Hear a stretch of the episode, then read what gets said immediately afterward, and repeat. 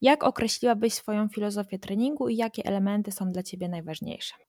E, jeśli chodzi o filozofię e, w treningu, to w momencie, kiedy zaczynam treningi własnych psów lub e, kiedy zaczynam treningi innych ludzi, to na pewno bardzo dużą uwagę przykładam na tym, żeby nauczyć psa zrozumienia danego ćwiczenia, zrozumienia naszych oczekiwań, nauki podstaw w treningu, nauczenia psa uczenia się poszczególnych elementów i pracy nad samokontrolą. Na pewno agility wymaga bardzo dużo samokontroli od psa i w, we współczesnym treningu wymagamy również bardzo dużo od psa względem tego, żeby pies był bardziej samodzielny, bardziej samodzielnie podejmował decyzje, e, żeby myślał w trakcie tego treningu, E, a dodatkowo potem dokładamy troszeczkę rozproszeń w postaci właśnie e, ruchu przewodnika, bo jedna e, sprawa to, że pies pokonuje przeszkody, a druga sprawa to, że pies pokonuje przeszkody i ma przewodnika, który biegnie obok i przewodnik czasami macha za bardzo ręką lub nabiegnie psu na linię i to są dodatkowe rozproszenia wtedy dla psa.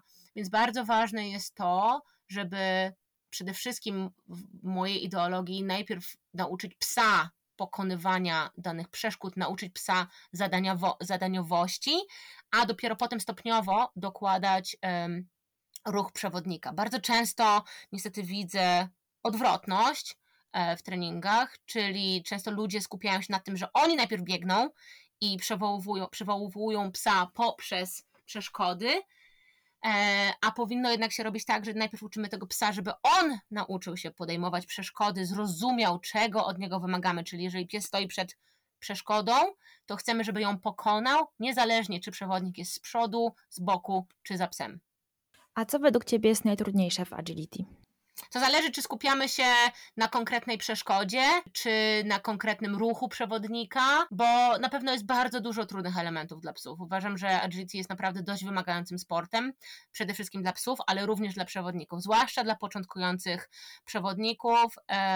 Często jak przychodzą ludzie na zajęcia i dopiero zaczynają karierę, e, karierę, no po prostu zaczynają treningi agilitowe, to oczywiście w tym momencie człowiek się bardzo skupia na tym, żeby nie popełniać błędów, ponieważ instruktor podaje przewodnikowi informacje, czyli tutaj idziesz, tu wyślesz, tu noga, tu ręka, a potem taka osoba niestety często zapomina, że jest jeszcze, jeszcze jest pies. I jeżeli popełniamy błąd, to czasami się tak zdarza, że po prostu człowiek się trochę tam zakręci e, i mówi ojej, ojej, zgubiłam się, no i ten pies zostaje na tym placu i stoi i się patrzy, tak?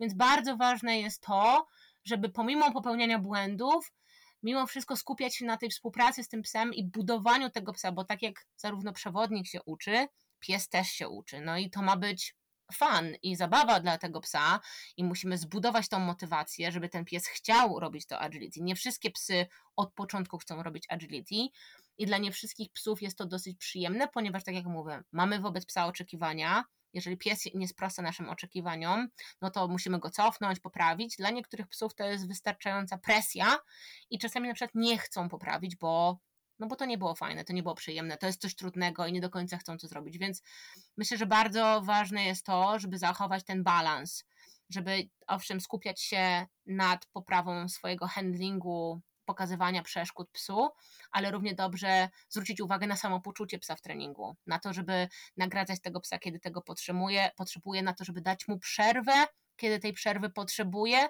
i myślę, że dzięki treningom agility ludzie naprawdę fajnie uczą się czytać swoje psy, e, i uczą się rozumieć, kiedy te psy potrzebują e, wsparcia od przewodnika, kiedy potrzebują przerwy. E, I to na pewno jest bardzo, bardzo fajne i bardzo widoczne w, w treningach agility. A czy często spotykasz się z ludźmi, którzy przychodzą do ciebie na treningi i przychodzą już z konkretną rzeczą, którą chcą poprawić, ale ty na przykład widzisz braki w podstawach? Jak oni przyjmują to, że trzeba się cofnąć w treningu? To na pewno bardzo często zdarza się na seminariach lub na warsztatach wyjazdowych. Jeżeli przychodzą do mnie ludzie na lekcje indywidualne, to wiadomo, że na lekcjach indywidualnych bardziej można się skupić na detalach, czyli robimy jakąś tam sekwencję, no i wychodzi, że na przykład pies nie, nie do końca rozumie, co musi robić na danej przeszkodzie, no i wtedy to sobie możemy podłubać, rozłożyć na czynniki pierwsze, skupić się e, na, głównie na tej przeszkodzie, plus dzięki temu, że ludzie przychodzą regularnie, jestem w stanie dać tym ludziom pracę domową, którą mogą wykonywać w domu, pomimo tego, że na przykład nie mają dostępu do pełnego kompletu przeszkód. Ponieważ żeby zbudować dobre podstawy agility, to naprawdę nie trzeba mieć dużo przeszkód w domu. E, można zrobić trochę przeszkód DIY, e, ale równie dobrze wystarczy dobra praca na spacerach, można wykorzystać e, różne przeszkody na spacerach typu drzewa, słupki, pachołki. Natomiast jeżeli prowadzę zajęcia na seminariach, to tak, zdecydowanie jest to troszkę trudniejsze, ponieważ na seminariach myślę, że ludzie mają troszkę inne oczekiwania.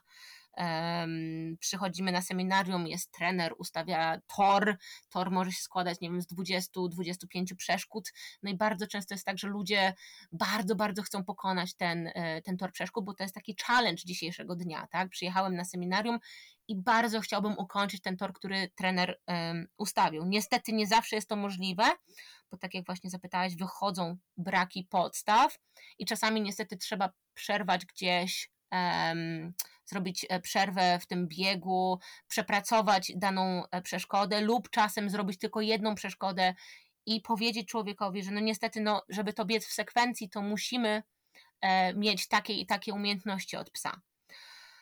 Ludzie na to reagują różnie. Są ludzie, którzy to naprawdę dużo zależy od człowieka i od tego, jakie mają oczekiwania wobec siebie i wobec danego psa. Bo bardzo dużo, na przykład w Anglii jest bardzo dużo osób, które robią agility tak naprawdę dla fanu.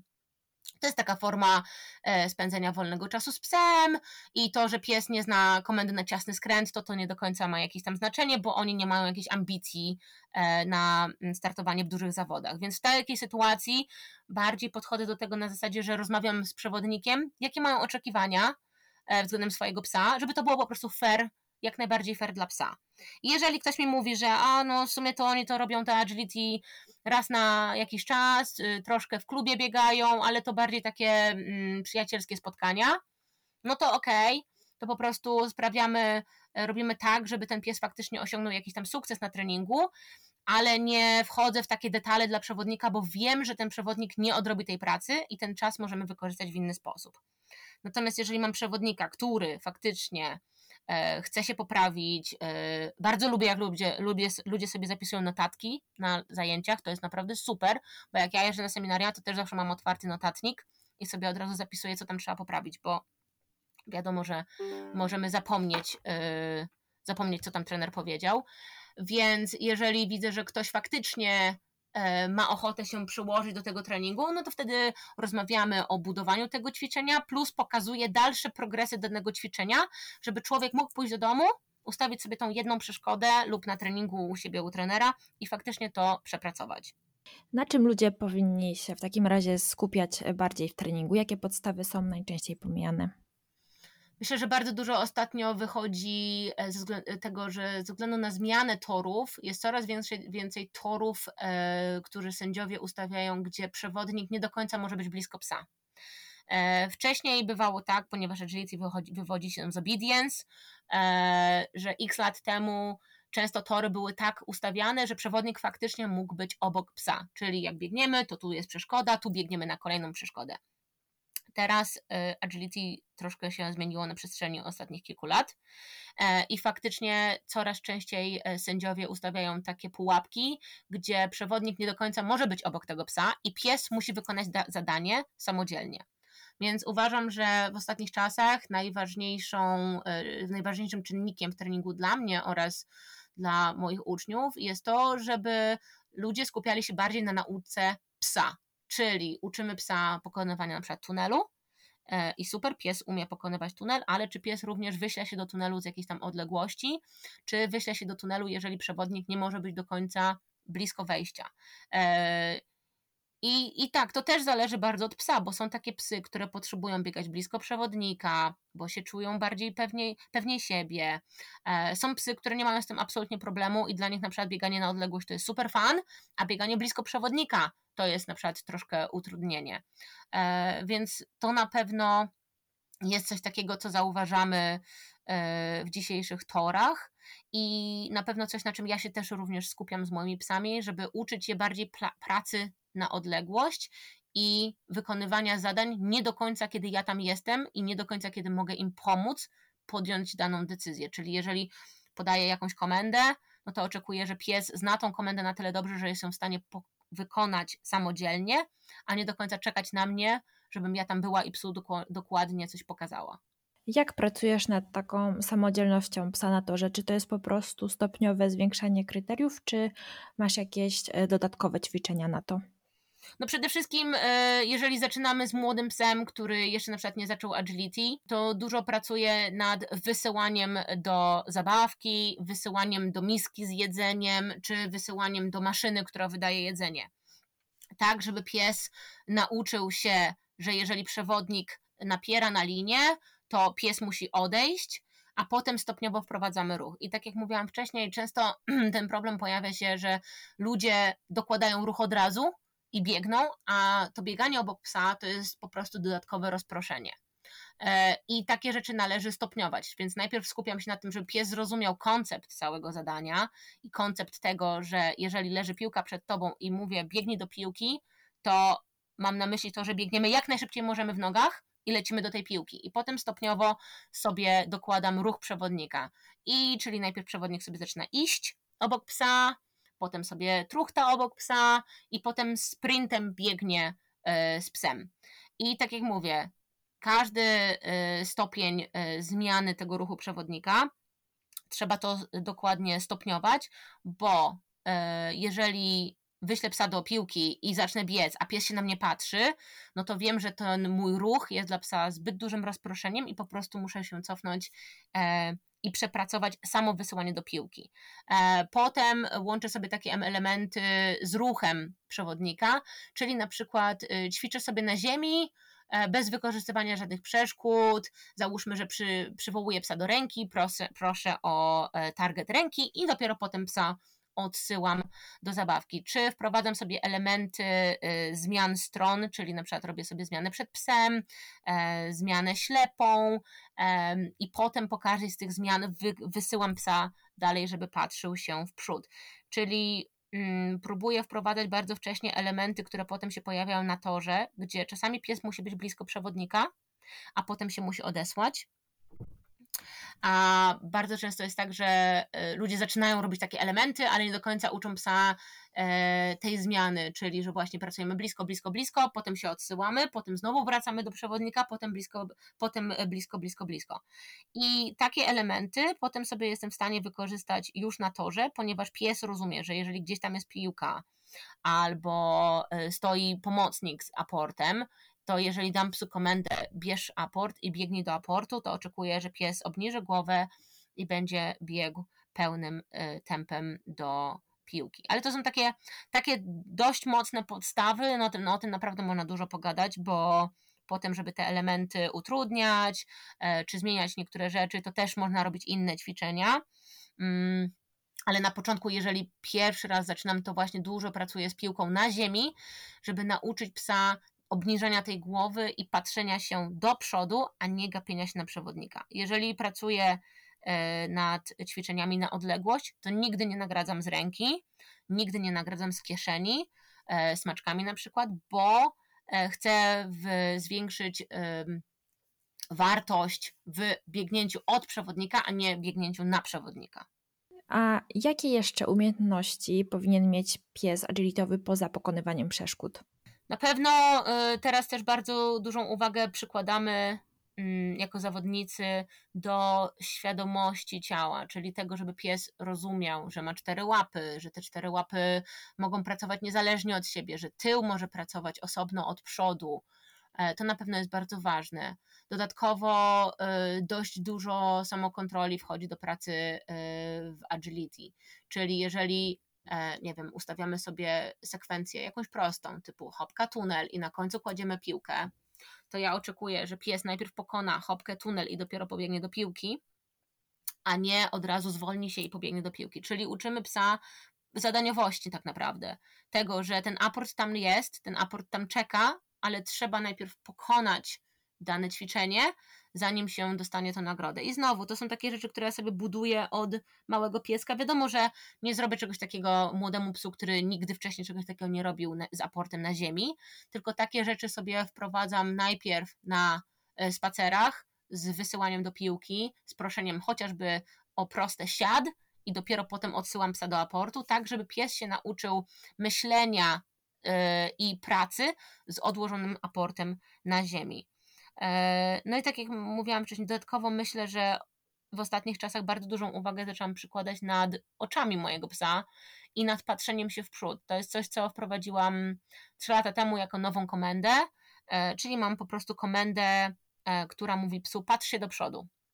I taką komendę sobie wykorzystuję na przykład na starcie, kiedy stawiam psa przed pierwszą przeszkodą, a muszę odejść gdzieś w bok i bardzo często jest tak, że wtedy, jeżeli pies siedzi lub stoi, to ta głowa odwraca się w kierunku przewodnika.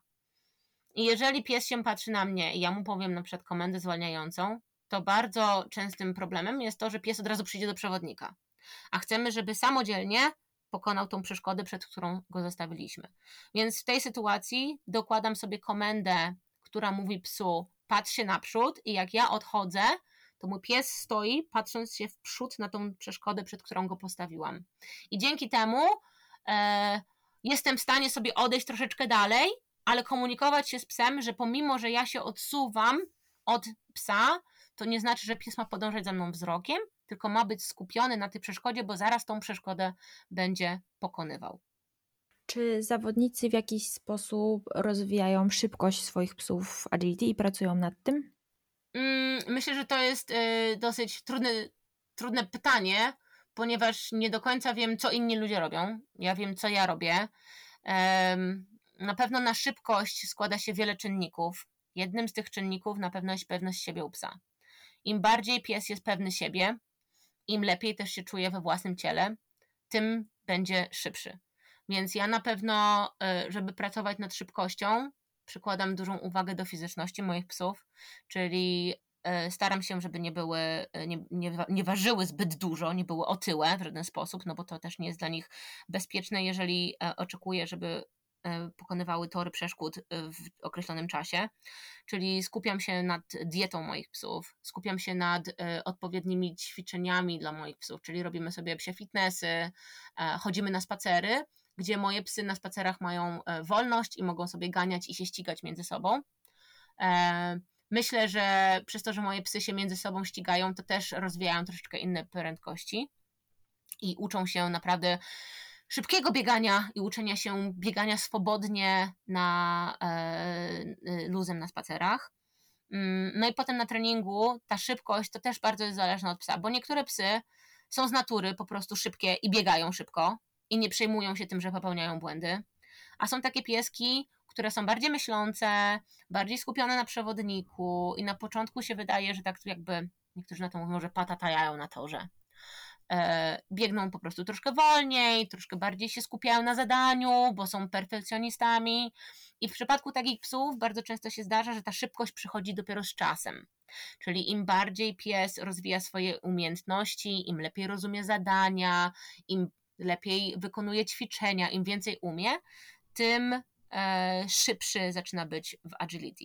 A często z takimi pieskami, które bardzo szybko od początku biegają, to też jest tak, że nie do końca w parze idzie ta dokładność. A niestety w agility poza prędkością potrzebujemy też, żeby pies był dokładny i żeby pokonywał przeszkody w określonej kolejności, żeby skręcał tam, gdzie musi skręcić. Czy któraś przeszkoda sprawia psom szczególnie dużo trudności, czy to zależy od psa? Myślę, że jeżeli e, rozmawiamy o treningu takim stricte na zawody międzynarodowe, to na pewno w ostatnich latach bardzo dużo ludzi e, przeszło z uczenia stref zatrzymywanych, czyli kładka i palisada, na strefy zbiegane. Czyli wymagamy, żeby pies pokonywał dane przeszkody w jak, najszybkim, jak najszybszym czasie, ale żeby miał bardzo dobre kryteria zaliczania strefy. I myślę, że dla niektórych psów to jest na pewno trudna przeszkoda i wymaga bardzo dużo samozaparcia i bardzo dużo trzeba włożyć pracy, żeby nauczyć psa tych kryteriów, które my sobie wymyślamy jako przewodnicy. Na pewno kładka jest dosyć, e, jest na pewno trudniejsza niż palisada, ponieważ jest dłuższa, jest węższa i ta strefa kontaktu dla psa jest troszeczkę mniejsza. E, no i wiadomo, że psy przez to, że biegną na tej kładce w linii prostej, no to rozpędzają niesamowite prędkości. Inni czasami się śpieszą i na przykład no, zabiorą, e, zabiorą wykrok i wylądują albo na ziemi, albo zbyt wcześnie się wybiją i po prostu przelecą nad strefą. Myślę, że strefy zbiegane na pewno są bardzo trudnymi e, przeszkodami. Natomiast jeżeli ludzie nie robią stref zbieganych, to dla niektórych piesków dosyć trudne są huśtawki. Huśtawki też zależy od producenta i firmy, e, której mamy huśtawkę, w, różnym, e, w różnej prędkości opadają, mają troszkę inną wyważnię i niektóre z huśtawki są dosyć głośne i czasami dosyć bardzo wibrują. Więc jeżeli pies troszeczkę jest niepewny na podłożu, które jest troszeczkę ruchome, no to na pewno ta przeszkoda jest dla tego psa utrudnieniem, ale można też dużo rzeczy porobić w domu, e, właśnie ucząc psa pokonywania jakichś tam przeszkód czy platform, które są troszeczkę bardziej niestabilne, e, żeby wzmocnić tą pewność siebie u psa. Ale to, tak jak zresztą odpowiedziałaś troszkę w pytaniu, to bardzo dużo zależy od psa, bo jedne psy będą się e, bały, znaczy nie będą się bały, będą miały trudności z byciem dokładnym i zaliczaniem kładki tak jak sobie przewodnik wymyślił kryteria, a inne pieski troszeczkę będą się bały tej opadającej szybko huśtawki, która troszeczkę wibruje i jest dosyć głośna, kiedy upada. A na przykład zrzucanie tyczek to częsty problem? Jakie mogą być powody i jak się z tym uporać? Na zrzucanie tyczek też składa się bardzo wiele czynników. Mm, na pewno pierwszym czynnikiem to jest to, jak uczymy psa pokonywania przeszkód. Czyli znowu, jeżeli często nagroda wychodzi z kieszeni, no to pies nauczy się, że jak biegnie, to musi zadrzeć głowę i spojrzeć na przewodnika. Myślę, że w przypadku e, pracy nad hopkami, to na pewno trzeba się skupić na tym, żeby od początku uczyć psa, że musi e, patrzeć do przodu, żeby ta głowa się obniżała w momencie lądowania. No i dlatego ja wtedy używam dużo aportu albo nagrody na ziemi, żeby pies podczas pokonywania przeszkody miał e, bardzo dobrą pozycję głowy. E, w Ameryce bardzo dużo problemu e, mają psy ze zrzucaniem tyczek, ponieważ tam jest dosyć popularna um, diagnoza, która się nazywa ETS, czyli Early Takeoff Syndrome i to się nazywa po prostu wczesne wybijanie do przeszkody. Często jest to u niektórych e, ras genetyczne, na przykład ja widziałam troszeczkę problematycznych borderów oraz owczarków australijskich i Shetlandów e, o dziwo też. E, w Europie nie jest to aż tak popularne, ale zdarzają się psy, które faktycznie mają troszeczkę z tym problem, że mierzą bardzo przed przeszkodą, nie są do końca pewne, jak pokonać tą przeszkodę i faktycznie wybijają się o wiele, wiele wcześniej i lądują na przykład w przeszkodę albo tuż za i zrzucają tyczkę. Mm, wtedy od razu myślę, że bardzo wart, wartościowe by było, żeby wykonać psu badania e, oczu, żeby sprawdzić, czy pies faktycznie dobrze widzi. E, lub jeżeli pies zaczyna zrzucać tyczki, to też e, najczęściej rozmawiam z ludźmi, czy na przykład byli u fizjoterapeuty, e, lub czy wykonali zdjęcia rentgenowskie, żeby sprawdzić, czy z psem faktycznie fizycznie jest wszystko ok. Natomiast zdarzają się też przypadki, kiedy pies faktycznie fizycznie wszystko jest w porządku i właściciele i byli u fizjoterapeuty i zrobili zdjęcia rentgenowskie i pies ma przebadane oczy albo jest po zdrowych rodzicach, którzy, którzy mają zdrowe oczy, a mimo wszystko pies sam z siebie naturalnie nie umie skakać, pomimo tego, że trening został również prawidłowo poprowadzony i w takiej sytuacji myślę, że niestety walczymy wtedy z głową psa. Są psy, które po prostu naturalnie nie są tak pewne siebie na torze i troszeczkę się bardziej przejmują i troszeczkę bardziej myślą o tym skoku. I to ewidentnie widać, że sprawia im trochę um, fizycznie i mentalnie problemów i jest to troszeczkę bardziej obciążające dla psa, więc dla takiego psa na pewno wtedy trzeba się bardzo skupiać na tym, żeby budować jego pewność siebie, e, żeby pracować nad nagradzaniem, e, kiedy jest na tych przeszkodach i kiedy samodzielnie je pokonuje. Już trochę o tym e, powiedziałaś, ale może tak podsumowując jeszcze, jak Twoim zdaniem powinna wyglądać komunikacja z psem na to, że aby mieć lepsze efekty? No to tak jak rozmawiałyśmy wcześniej, na pewno bardzo ważne jest e, budowanie tej pewności psa.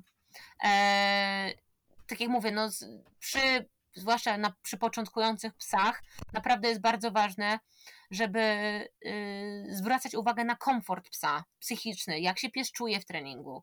E, czy chętnie pokonuje, dane, pokonuje przeszkody, czy chętnie wykonuje zadania. Jeżeli popełni błąd, to co robi?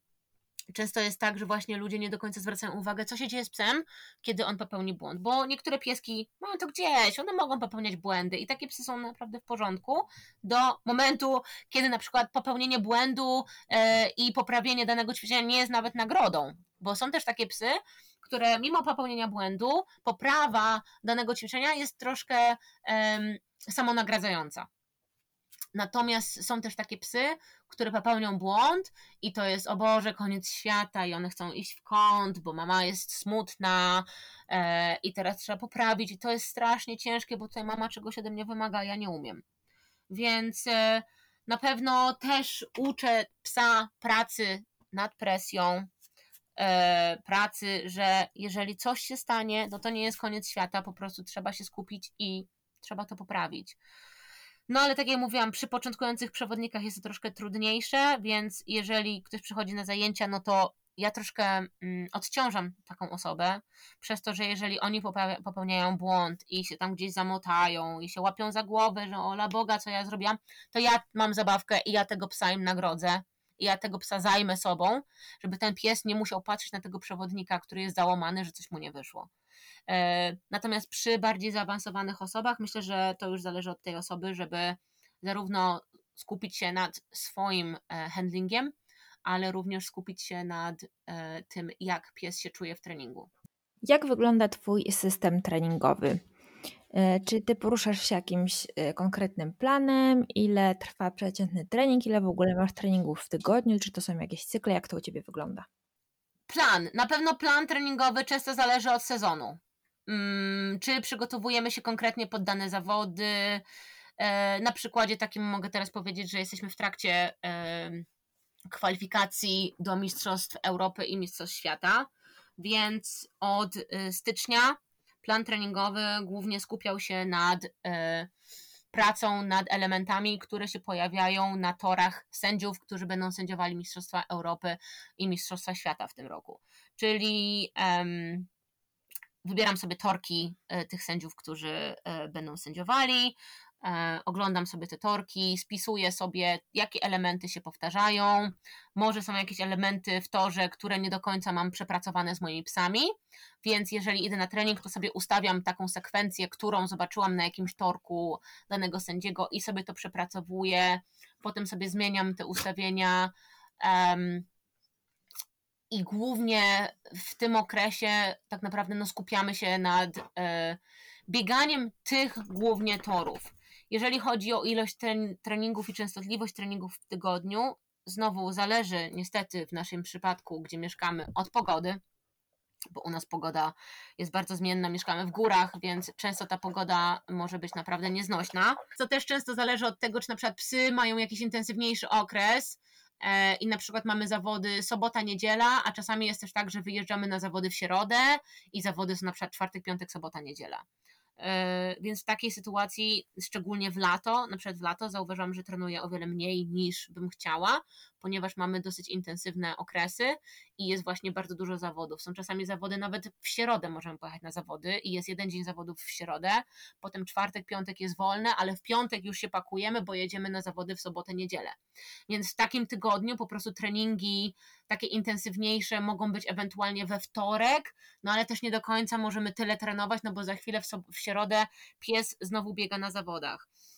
Więc tak naprawdę e, no to dużo zależy od naszych zawodów, które mamy w kalendarzu i wtedy naokoło zawodów, że tak powiem, próbuję sobie rozplanować treningi, ale na przykład e, lipiec, sierpień to są takie okresy, które są bardzo intensywne i naprawdę jeśli chodzi o treningi, czasami nawet nie mam kiedy wprowadzić jakiegoś treningu i wracam na przykład z zawodów w niedzielę czy w poniedziałek wracamy z zawodów.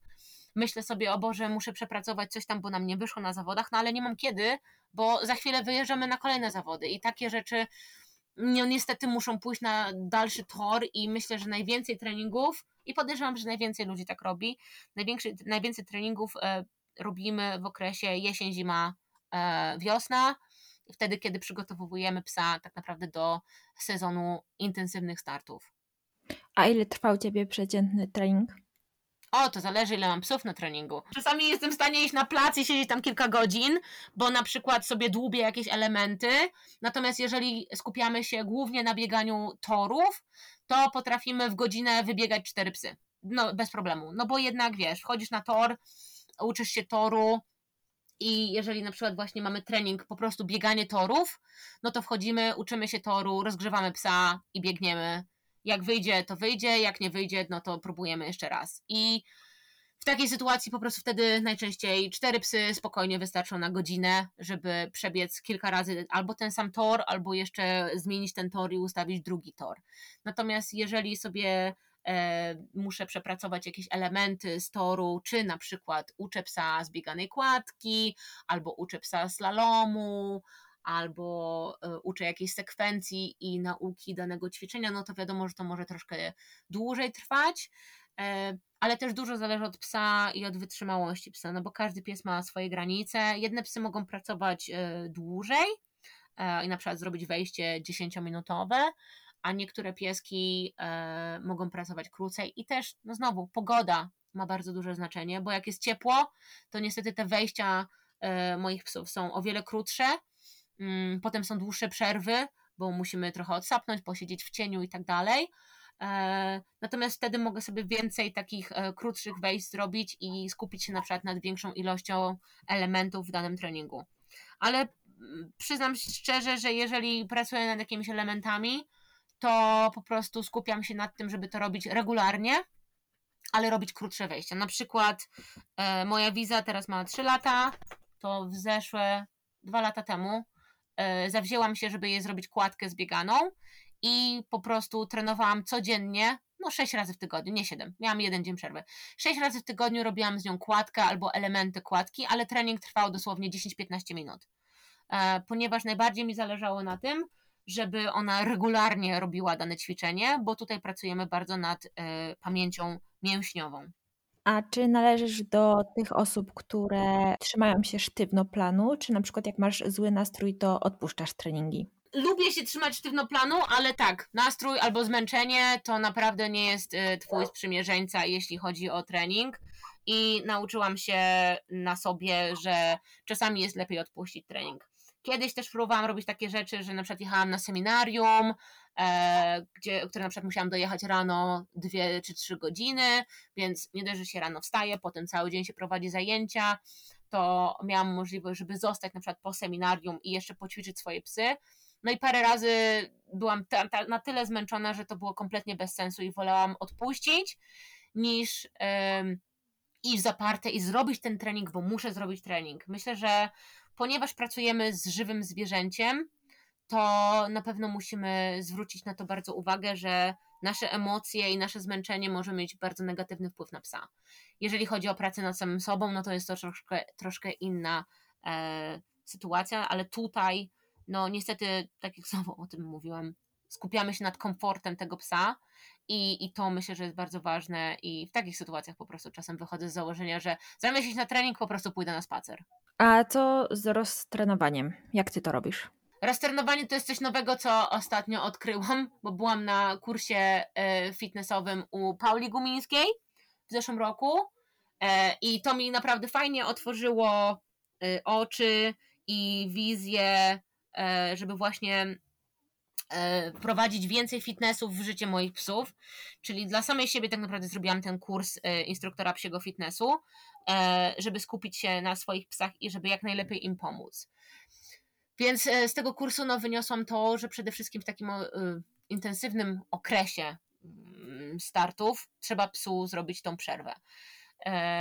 No i teraz na przykład moje psy miały przerwę październik e, do połowy listopada. Miały 6 tygodni przerwy, gdzie nie trenowały żadnego agility, nie skakały, nic, po prostu były sobie pieskami. E, natomiast w międzyczasie robiły fitnessy e, z moją dobrą koleżanką w Polsce, Kasią Izbicką, która mi bardzo pomaga w tym kierunku. E, plus jakaś tam bieżnia wodna, no i spacery oczywiście. I potem po tym sześciotygodniowym okresie roztrenowania stopniowo wprowadzaliśmy elementy agility e, i tak naprawdę od e, lutego moje psy wróciły do startów na zawodach. Co zaliczasz do przygotowania psa do sportu poza trenowaniem stricte agility? Wspomniałaś właśnie o bieżni wodnej na przykład. No to tak, jeżeli skupiamy się nad fizycznością psa, to na pewno ćwiczenia fitnessowe, sztuczki. Ja bardzo lubię e, ćwiczyć z psami sztuczki, bo myślę, że sztuczki uczą psa myślenia i rozwiązywania problemów. A często w agility tak jest, że ja oczekuję, żeby ten pies coś tam pomyślał, że nie do końca, żeby polegał na mnie, tylko na zasadzie, ej, weź to zrób. Weź wymyśl, co masz zrobić. No patrz, tutaj ci pokazałam, to teraz rób. E, I myślę, że poprzez pracę nad sztuczkami i jakimś tam kombinowaniem, tu wchodzenie na jakiś podest, tu wchodzenie do jakiegoś pudełka, tu podawanie jakichś rzeczy, to naprawdę rozwija moje psy w bardzo fajny sposób i zawsze ludzi zachęcam, że jak nie mają co robić, to niech se poćwiczą jakieś głupie nawet sztuczki, bo to naprawdę fajnie rozwija kreatywność u psa. I to potem widać u psa, czy pies umie myśleć w treningu, czy nie do końca jest tego nauczony i trzeba popracować nad tym konceptem najpierw, zanim możemy czegoś od psa wymagać. Więc w moim, e, mojej, e, w moim mniemaniu zauważyłam, że e, w momencie, kiedy moje psy rozumieją rozwiązywanie problemów, to potem uczenie poszczególnych elementów w agility przychodzi im łatwiej i są w stanie nauczyć się czegoś szybciej, niż jeżeli nie mają tego konceptu E, rozwiniętego wcześniej. Więc na pewno sztuczki są fajne. Jeżeli chodzi o fizyczne przygotowanie psa do treningu, no to fitnessy jak najbardziej. Jeżeli nie wiemy, co robić, no to warto się skontaktować po prostu e, z jakimś instruktorem siego fitnessu i poradzić się, co dokładnie tutaj przydałoby się wzmocnić e, u danego psa, no bo każdy pies ma inną budowę, inaczej się rusza, inne elementy potrzebuje, żeby przepracować. No i jak już chodzimy do fizjoterapeuty, to można z fizjoterapeutą robić jakieś ćwiczonka, zabierać psa na bieżnię. No i ja też, moje psy mają spacery. Mają bardzo regularne spacery. Ja spaceruję z psami codziennie. No chyba, że jesteśmy w trasach albo są przerwy, y, przerwy po zawodach, no to czasem jest po prostu spacer na smyczy, ale generalnie bardzo skupiam się na tym, żeby moje psy miały bardzo regularne spacery. Mieszkamy w górach, więc o tyle jest fajnie, że moje psy biegają sobie po pagórkach i mogą sobie rozwijać e, e, mięśnie naprawdę w fajny sposób. Plus myślę, że podłoże daje im dosyć fajną świadomość ciała i bieganie właśnie pod górę, zbieganie z góry. To u moich psów zauważyłam, że z tym nigdy nie mają problemów. No i na spacerach też e, ćwiczę sobie sprinty. czyli na przykład moje młodziki, młode pieski, które startują, robią ćwiczenia sprintowe, a moja starszyzna emerytura idzie w tym momencie na smycz y, i one sobie tam drepczą, jak dzieciaki biegają i, i się ścigają między sobą do zabawki, czy po prostu między sobą się ścigają na komendę.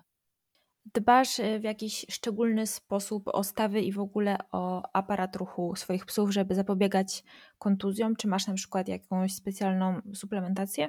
Mm, no na pewno yy, można powiedzieć, że dbam w ten sposób, że dosyć późno wprowadzam treningi na przeszkodach w porównaniu na pewno do innych trenerów, bo mimo wszystko jak się siedzi w tym, w tym sporcie, no to siłą rzeczy wie, wiesz jak inni trenują, wiesz kiedy zaczynają. Dużo ludzi też wrzuca na social media swoje filmiki i bardzo jest tak często, że oglądam czyjś filmik i mówię, Boże, mój pies to nic nie umie w porównaniu do tego psa.